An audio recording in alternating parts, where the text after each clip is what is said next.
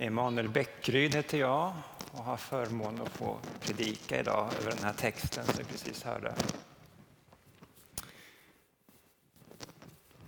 Och jag tänkte börja med att ställa en fråga till dig. Om jag säger ordet profetia, vad tänker du på då? Profetia.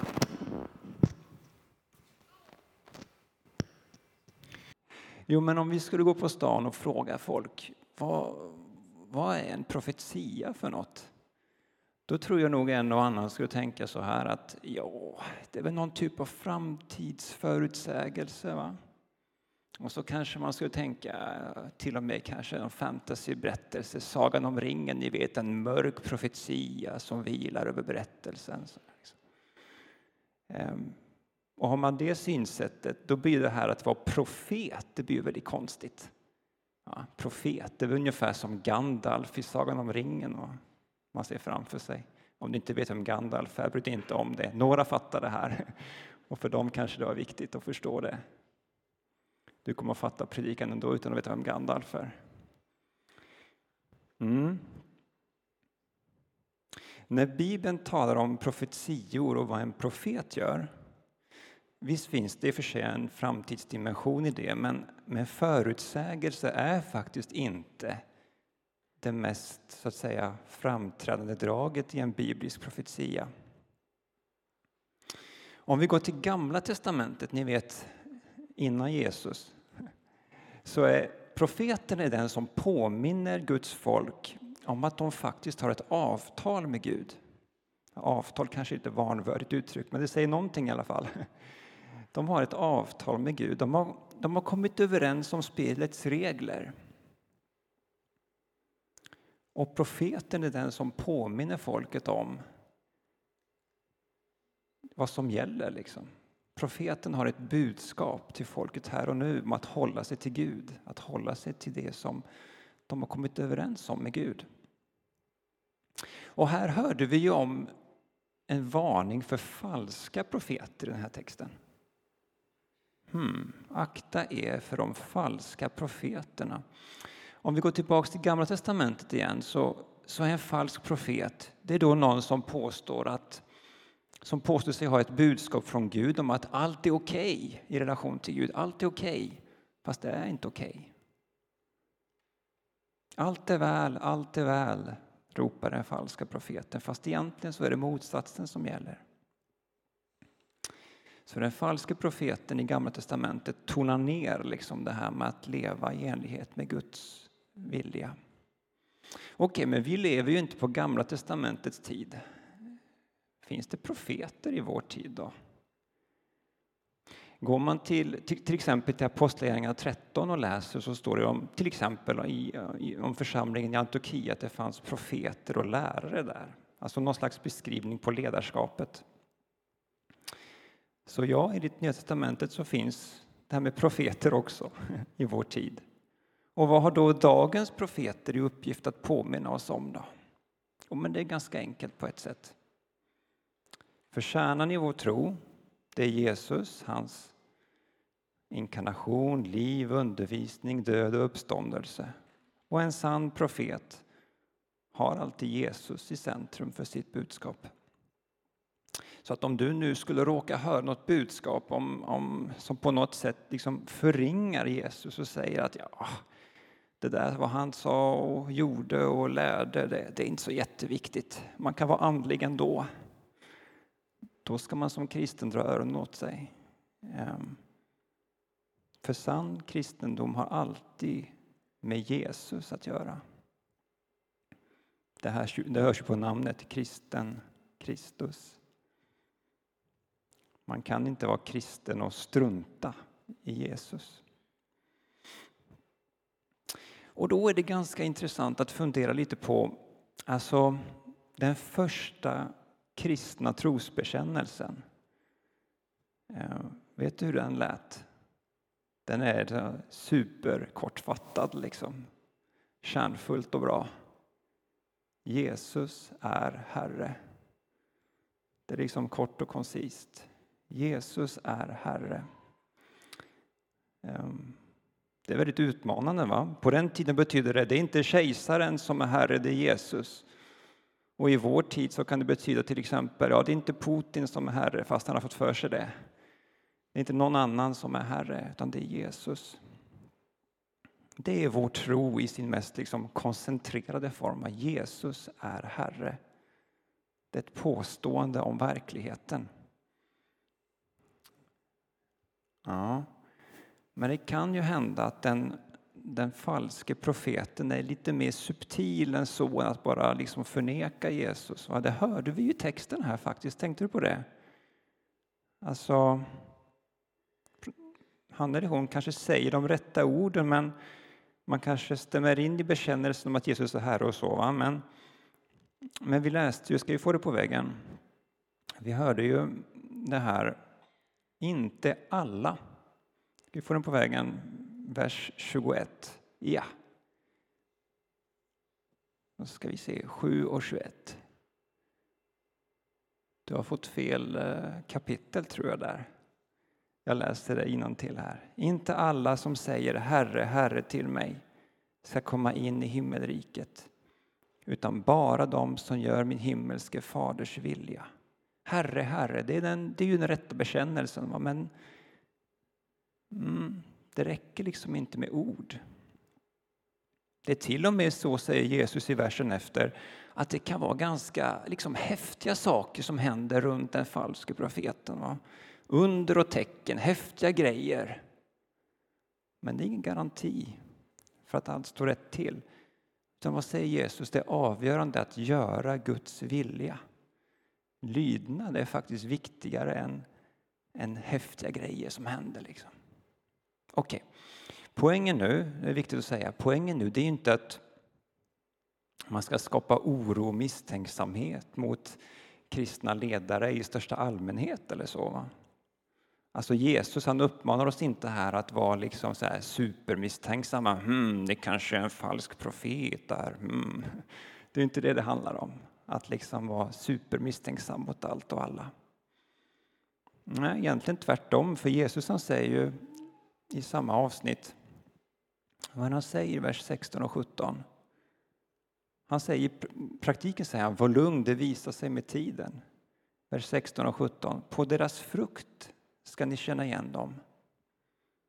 Plockar man kanske druvor på törnen eller fikon på tistlar? Underförstått nej, förstås inte. Så bär varje gott träd bra frukt, men ett uselt träd bär dålig frukt. Alltså om det har gått lite tid, kolla liksom frukten, säger Jesus. Det visar sig. Det visar sig om profetens tro är äkta eller inte. Och det här på något sätt, det är ju viktiga ord att ta till sig. Ehm, på deras frukt ska ni känna igen dem. Ehm, gå inte på något bara för att det är häftigt liksom. Utan det, det finns, titta på substansen. Tänk efter.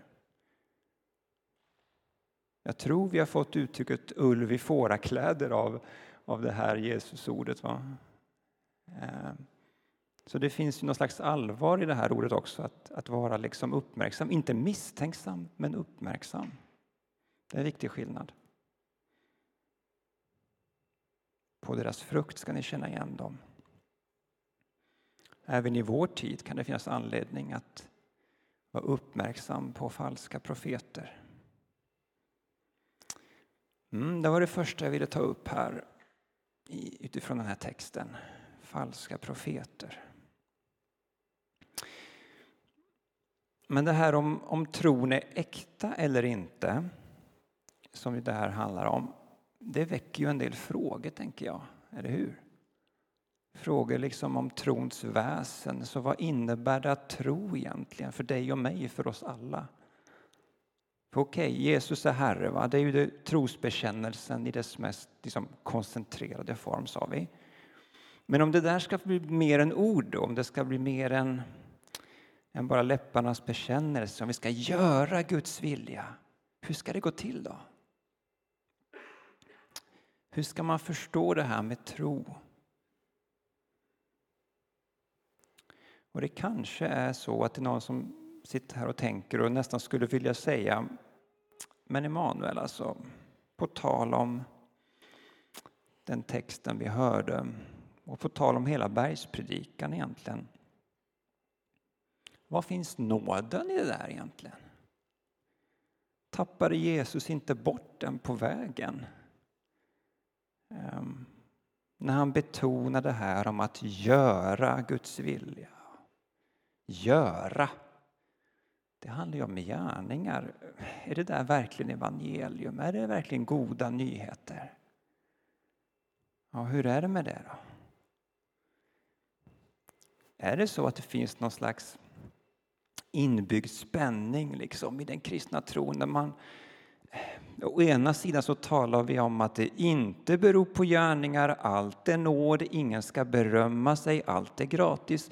Men å andra sidan så finns det kärva texter va, som, som säger att vi förväntas göra en massa saker. Det var det Jesus sa, bara den som gör min himmelske faders vilja, sa Jesus. Hur går det ihop? Finns det liksom en motsägelse här i det här? Nej, jag tror inte det. Jag tror inte det är någon självmotsägelse, att det finns något som talar emot varandra här. Jag brukar tänka så här. Jag brukar tänka att, häng med nu. Jag brukar tänka att det är viktigt, superviktigt att skilja på två saker. Att man skiljer på prestation och nödvändighet. Och jag tänker att vi ibland går vi lite vilse i våra tankar för att vi inte förmår att skilja på de två sakerna. Prestation och nödvändighet. Den kristna tron, lyssna nu, bygger inte på prestation. Du kan inte köpa dig en plats i Guds rike genom att vara duktig. Liksom. Vi kan aldrig förtjäna Guds kärlek, den finns där. Allt handlar om nåd. Gud är självutgivande kärlek, ja. Det är till och med så att det är Guds kärlek som håller upp universum. Liksom. Vi kan aldrig betala Gud med vår duktighet. Tron är prestationens motsats. Vi tar emot det av nåd. Men samtidigt så innebär det inte frånvaro av nödvändiga saker att göra. Nödvändighet. Och då är vi tillbaka till frågan, är det här motsägelsefullt? Nej, inte alls. Det, det, tror jag inte. Jag ska försöka förklara det med hjälp av en liknelse. För att försöka förklara att det, det, är, liksom, det är ingen motsats i det här. Och om jag har dragit den här förut någon gång så ber jag inte om ursäkt för det, för jag tycker den är en ganska bra liknelse. Jag gillar den i alla fall personligen. Så häng med nu i en liknelse. Tänk dig att du är inlåst i en cell utan fönster. Det är beckmörkt, du ser absolut ingenting. Du har ingen lampa. Det är liksom totalt mörker, du ser absolut ingenting. Du kan, du kan treva dig fram till dörren, liksom, men den är reglad och låst. Du har inga verktyg, du kan inte komma ut därifrån. Totalt omöjligt. Att liksom då trockla sig ur den där cellen, det vore en prestation, eller hur? Men tänk dig att någon då öppnar dörren och så flödar solljuset in i cellen och så säger den här personen Kom, jag har öppnat dörren, det är bara att knalla ut. Då är det ju ingen prestation att gå ut, eller hur? Men det är nödvändigt.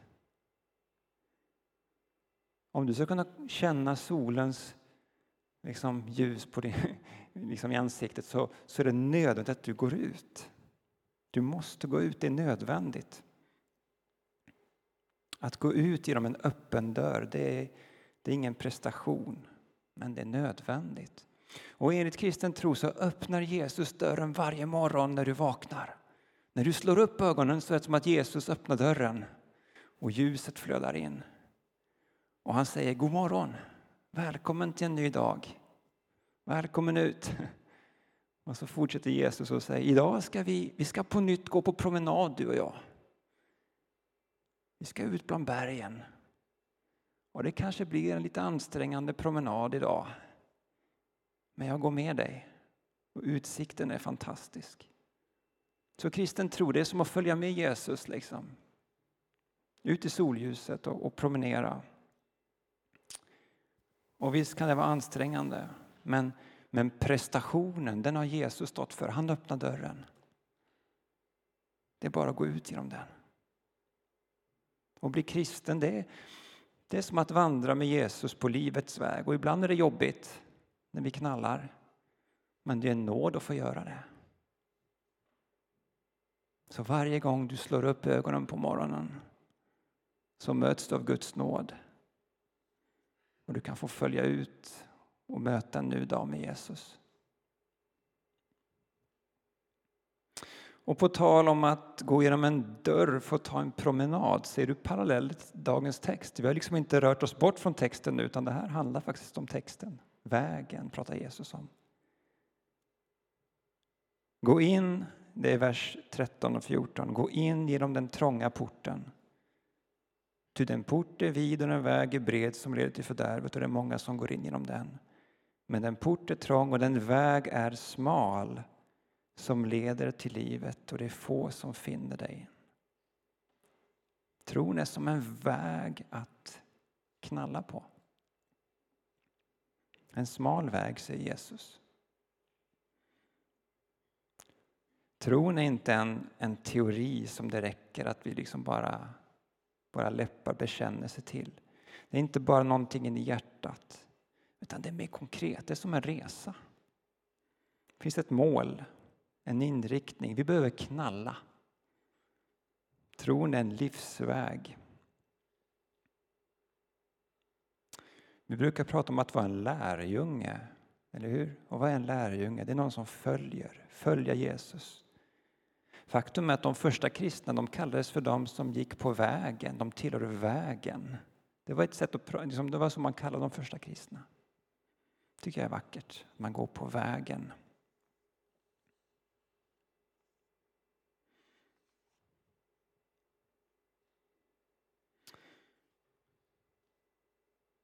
Där har vi gått igenom bergspredikan under sju söndagar. Och vi har haft temat ett annat sätt att leva. Och när Jesus ska sammanfatta sitt budskap om den här livsvägen då får vi liknelsen om huset på berggrunden och huset på sanden. Och Jesus säger i vers 24 när han ska sammanfatta så säger han Den som hör dessa mina ord och handlar efter dem är som en klok man som byggde sitt hus på berggrund. Hör du, där, där har vi det igen. Va? Den som hör och handlar. Där har vi det igen. Viktigt att göra, inte bara höra. Och Det här är lite utmanande för dig och mig idag. Va? Det vi har hört under de här sju söndagarna är inte det viktigaste. Det viktigaste är vad vi gör med det vi har hört. Så de här predikningarna finns ju på nätet att lyssna på igen om man vill och, och kanske ska du lyssna genom serien på nytt. eh, kanske. Och skriva ner kanske en eller två saker som du känner att ja, men det här skulle jag vilja göra som en respons på det jag har hört. Det vill säga en eller två saker som som kommer att bidra med att du fortsätter bygga på berggrunden som Jesus talar om. Berggrunden, ja. Jag ska säga något kort om, om den här liknelsen. Då. För Jesus han verkar, han verkar förutsätta att det kommer att bli storm. Det kommer att bli storm. Det är liksom inte om svårigheter kommer, utan det är snarare när de kommer, vad händer då? Och jag skulle vilja vända mig till några olika ålderskategorier nu. Och börja med dig som är lite till åren kommen. Ehm, det mesta av livet har du kanske bakom dig. Och du har vandrat på vägen, den här vägen i decennier. Du har säkert gått igenom en del stormar skulle jag tro. Men du är här idag. Det vill säga huset har stått pall.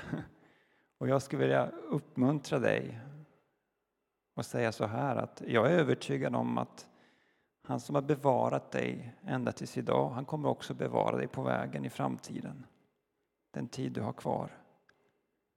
Och inte ens i dödsskuggans dal behöver du frukta något för den gode herden går vid din sida på den smala vägen.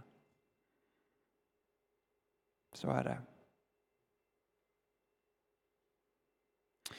Till dig som liksom jag eh, är, vad ska vi säga, i medelåldern. Eh, du och jag, vi, om, vi, om våra liv följer statistiken så är vi kanske typ halvvägs. I, så. Ehm, och jag skulle vilja uppmana både dig och mig, på tal om den här liknelsen, att ja, men låt oss inte ge upp. Det kanske blåser en del, men låt oss stanna i vårt hus på berggrunden. Låt inte luras av att äh, där borta, kanske står med kikare, liksom, där borta på stranden, långt där borta. Det verkar så soligt och skönt där. Man kanske skulle flytta och bygga ett hus där borta istället. För klimatet verkar bättre. Här är bara tråkig berggrund. Liksom. Kallt och kärvt som i bergspredikan. Där borta ser det ganska skönt ut. Gå inte på den myten. Lyssna inte på, jag skulle säga att det är en frestelse. Den som säger att gå dit bort istället, bygg ett hus på playan. Där det är sol och värme som gäller. Nej, gräset är ju som bekant inte grönare på andra sidan. Och vet du, även sandstranden kommer förr eller senare att drabbas av stormen. Eh, och då kommer huset att rasa. Nej, låt oss stå fast liksom vid det som vi har hittills satsat på. Så låt oss stanna i vårt gamla beprövade hus på berggrunden. Ge inte upp nu, för det är nu det gäller. Tids nog kommer vi få skörda frukten av, av trofastheten, bara vi inte ger upp. Stå fast på berggrunden. Fortsätt följa den smala vägen.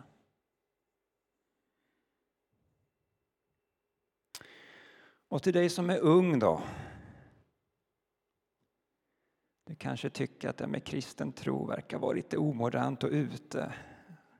Och på ett sätt har du rätt, för det där med att vara kristen på riktigt är kanske inte så inne. Men vet du, du behöver något att bygga ditt liv på. Du behöver alla människor. Någonting som håller. En fast punkt när det stormar och det finns inget mer stabilt än Jesus. Han står fast för alltid. Han är som ett stort berg. Det går inte att rucka på honom. Liksom. Det, står, det, det står kvar. Hur mycket den blåser. Det som är inne och mode, det kommer och går. Men Jesus är densamme igår och idag och för alltid. Så det handlar om att satsa på det som består, att bygga sitt liv på Jesus, för han håller. Det tror jag de som är lite äldre kan intyga, som har varit med ett helt liv och märkt att när det blåser då är det skönt att ha byggt på berget och inte på sand.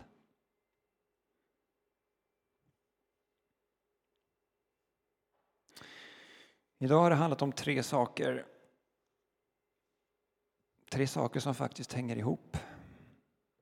Det har handlat om att det kanske är lite konstigt, men att ändå lyssna på Jesu ord om falska profeter. För det, det finns någonting där som är viktigt att lyssna på när han säger det. Det räcker inte att säga Herre, Herre. Det viktiga är att göra Guds vilja. På frukten känner man trädet. För det andra har det handlat om tron som en livsväg, en väg som det, som det är nödvändigt att vandra men som inte bygger på prestation utan på nåd. Kom ihåg liknelsen om det mörk, mörka och låsta rummet. När Jesus öppnar dörren varje morgon åt dig så är det ingen prestation att gå ut, men det är ändå nödvändigt att göra det. Att hänga med honom på promenaden. På livets väg. Den smala vägen. Och för det tredje har det handlat om vikten att stå kvar på fast mark.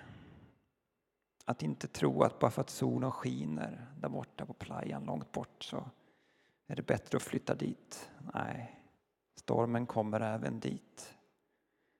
Vi står kvar i vårt hus på berggrunden.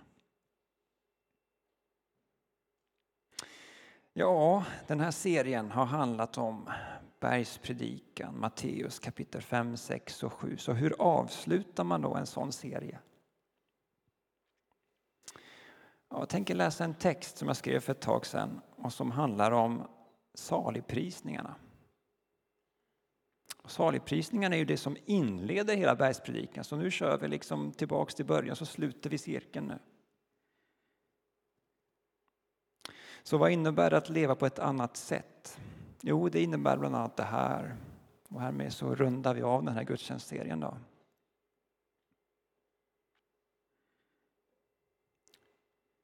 I en värld där idealet är att vara oberoende och klara sig själv. Saliga de som inser att de är helt beroende av Gud. De är de sanna medborgarna i Guds verkligare värld. I en värld där underhållningsbranschen regerar med yta och glamour, saliga de som tar allvarligt på och sörjer över tillvarons skuggsida. De ska finna en djupare tröst. I en värld där statusjakt är normen, saliga de som inte söker de främsta positionerna. De ska nå en rikare framgång. I en värld där var och en först och främst förväntas prioritera sig själv. Saliga de som längtar efter att alla ska få det bra. De ska få se sin längtan uppfylld. I en värld av polarisering och snabba fördömanden i sociala medier saliga de som bemöter sin nästa med omsorg och mjukhet. De ska få uppleva detsamma. I en värld av krass realism och fokus på hur saker och ting ser ut. Saliga de som har koll på sina egna motiv och bevekelsegrunder.